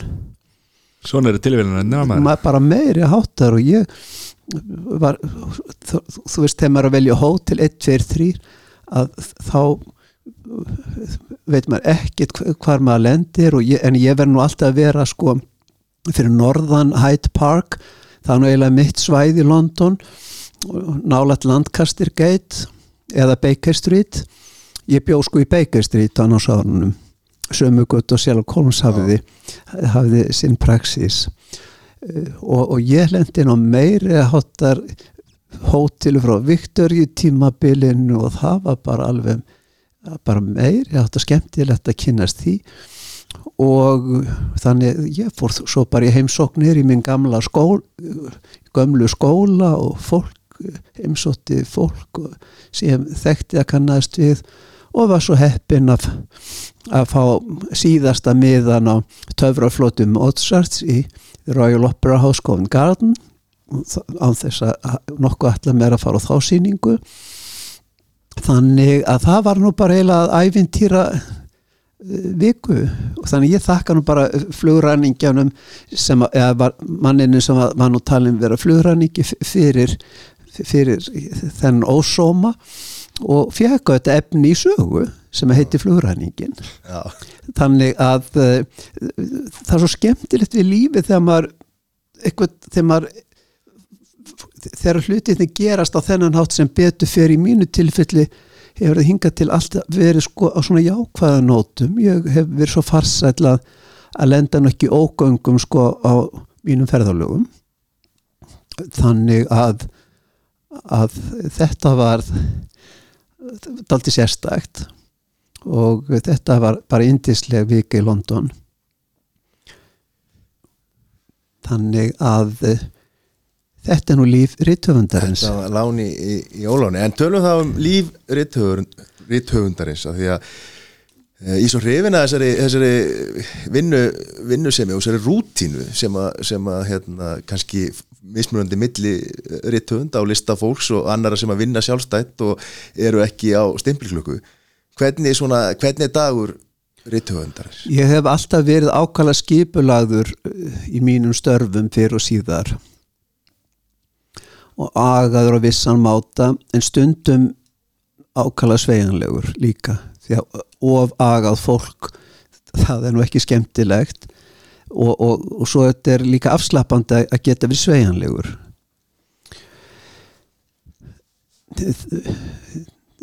ég ætla að taka fram að að svona síðasta áratugina þá hef ég nú eiginlega gengið inn í það tímabil í lífið mínu að ég kalla mig að vera orðin grænan það er að segja að, reyna að nýta vel alla hluti. Meiri sé er, er ég búin að leggja stóra átt í bílnum mínum og er bíllaus framvegis. Um, ég skrifa vinnjættur hver saga er blaðsíða? Ég gæti skrifa 200-300 síður um, um sama efni en þá þarf bara svo mikið pappir og nú er vandamál í heiminum það er verið að hög, högva niður uh, skóga og það er við að ganga svo mikið á þá þannig að það má segja að það vinnjætturnar er svona alltaf grænar hvað það snirtir að, að vera ekki að eigða óþarfa pappir Nú, en daglegt líf svona hjá mér þetta fer eftir ástíðum um, ég um, ef ég byrja á því hvernig ég skrifa að um, ég byrja síðasta áratugin þá byrja ég að skrifa uh, bók í byrjun uh, mæ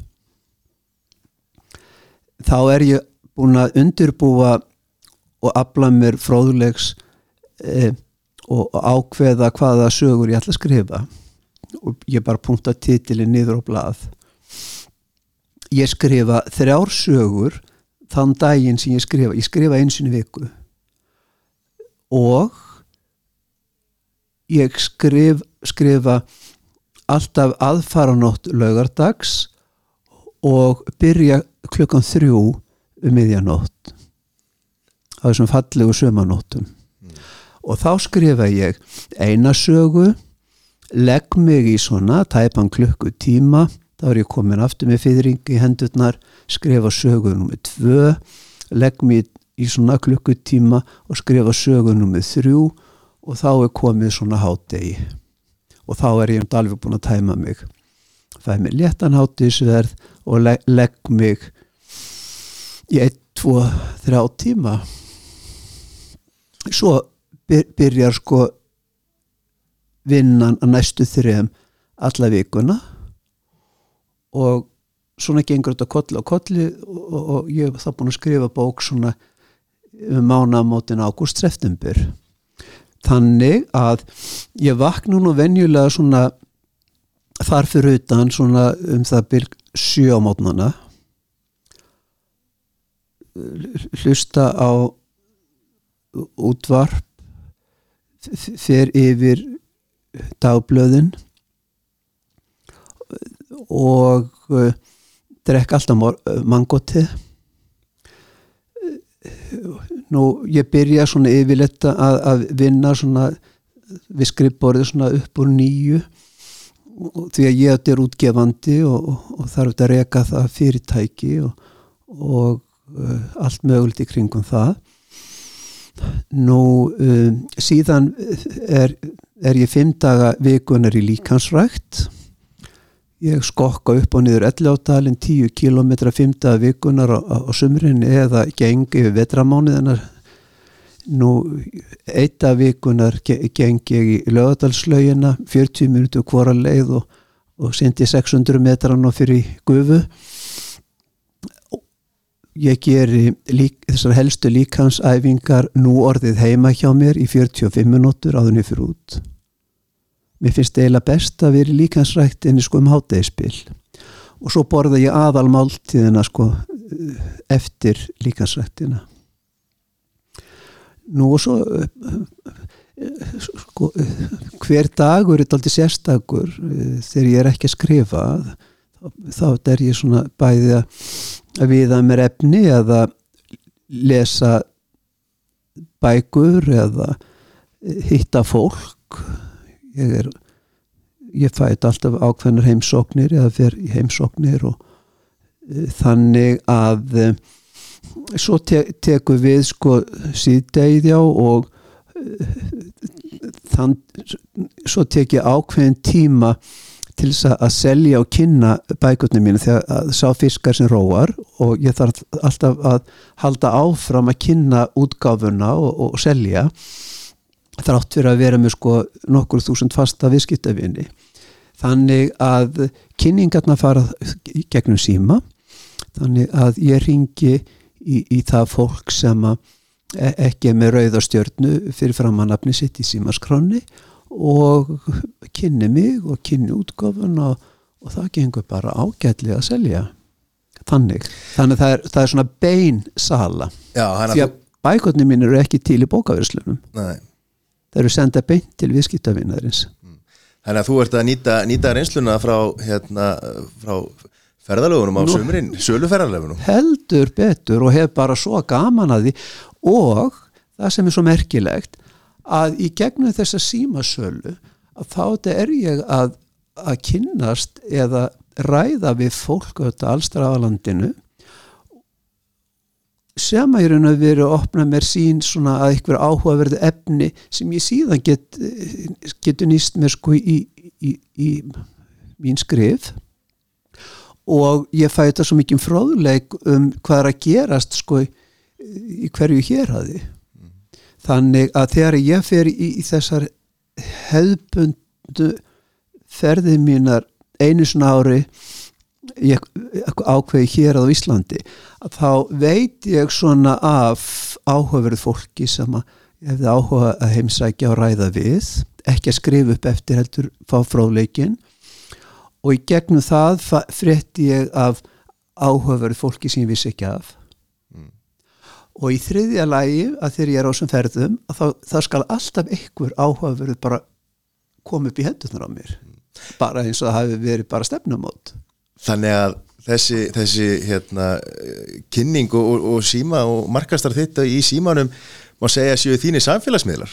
Að vera ekki að hérna, að vera hérna, að rúlla niður Facebook heldur bara að tala beint við fólki og heyra í því hljóðið. Ég hef aldrei auglýst bækunar mínar.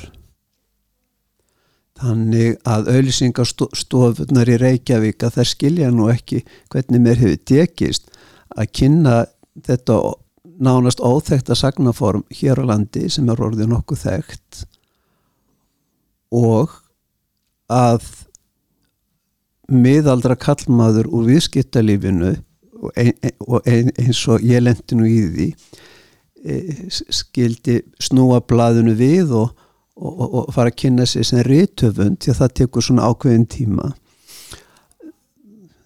Án þess að auðlýsa nokkuð skapaðan hlut og það er, er alltaf sterkast. Því sjáuð auðlýsingaskrumið fyrir jólin á bókamarkaðinum um, sem, sem, sem er komið svona út í öfgar og, og það er umfjallanir og það er auðlýs, kynningarnar í auðlýsingunum um, það, það, er, það er ekki minn stíl og því miður að þá finnst mér þessar bóka auðlýsingar fyrir jólin það er eiginlega ruggla ákveðna rítöfunda í rýmunu því að þeir eru að fá svona mikilmennsku eh, kast eh, að fá allt þetta oflof og, og, og í raun og veru er það svona frekati vamseldur en góðs að mínum mati. E, bækutna mínar eru aldrei kynntar hjá þeim aðlum í fjölmiðlum sem að fjallum bókmyndir það, það, þar kem ég að loka undirum ég hef aldrei fengið útlut úr launasjöður í töfunda það er lokað á á Ármar Einarsson.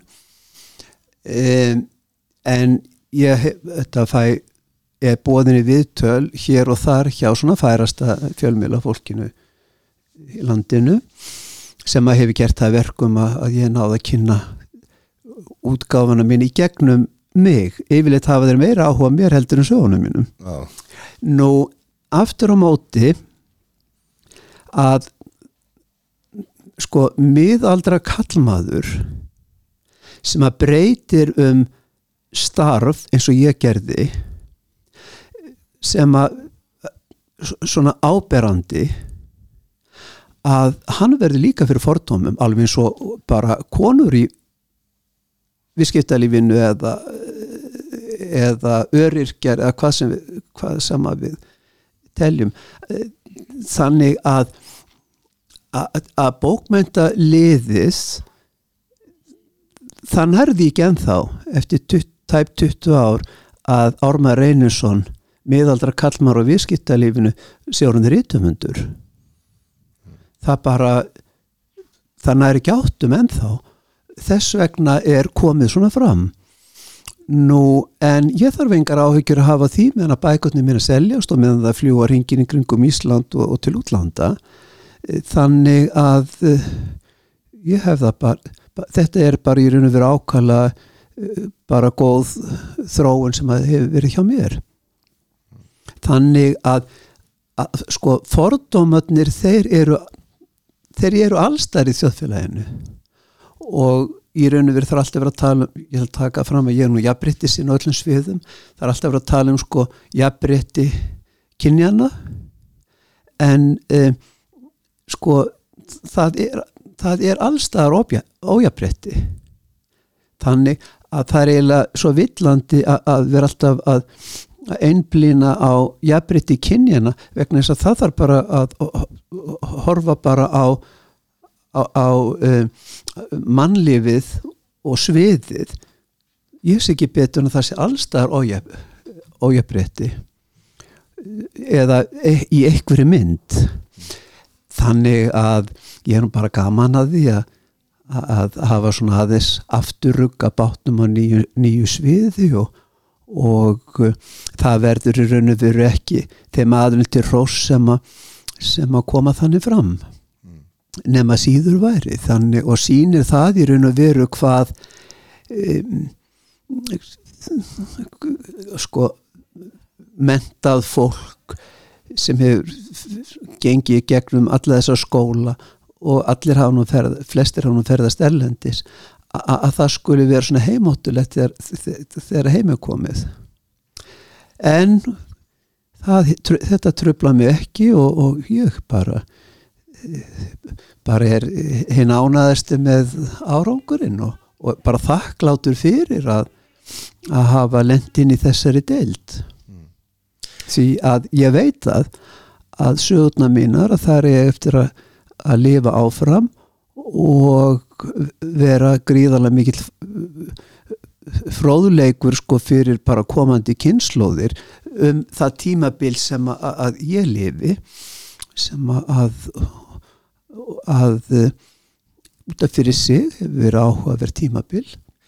Er ekki komin tími til þess að hérna, gefur út hljóðbækur? Lest sögurnar fyrir þá sem að til dæmis fyrir blindrabókarsafni og Já, ég hef, hef í huga að gefa út hljóðbækur uh, og rafbækur.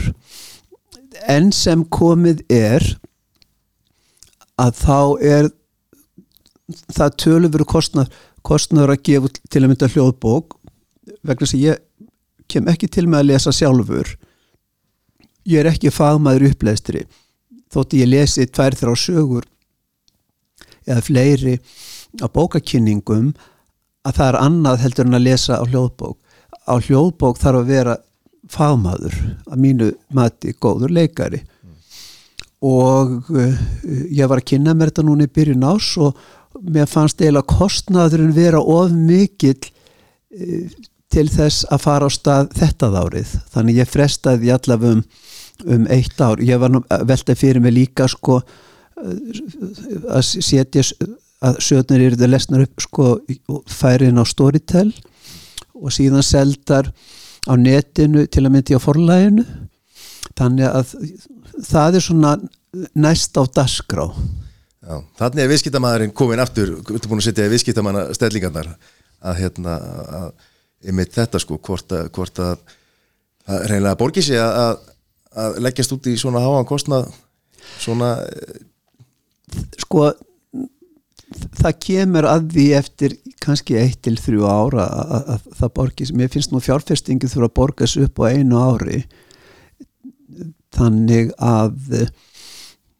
og, þannig að ég bara hlakka til þess að eiga það eftir ef, ef Guð lofar nú nú ég get sagt ykkur það að, að eh, ég er nú búin að skrifa eina sögu í 20. vinjutu bókina fyrir höstu 2020 og, og ég er nú að leiðin til mánar dvalar í Fraklandi núna í apríl þannig að þegar ég kem heim að þá byrja ég að skrifa held áfram með 20. vinjutu bókin og fyrir 2020 og skrifa hann í sumar Heru, Þetta eru, eru góð loka orð og hérna Ármann, við bara óskuðu velfarnar í, í, í hérna með þessa nýju bók sem kemur út í haust og, líka þá með 20. og, og skrifin á henni og bara takk kjalla fyrir komuna. Já og þakka ykkur fyrir að bjóða mér og ánægilegt að kyn, kynast svona áhugaverðum personum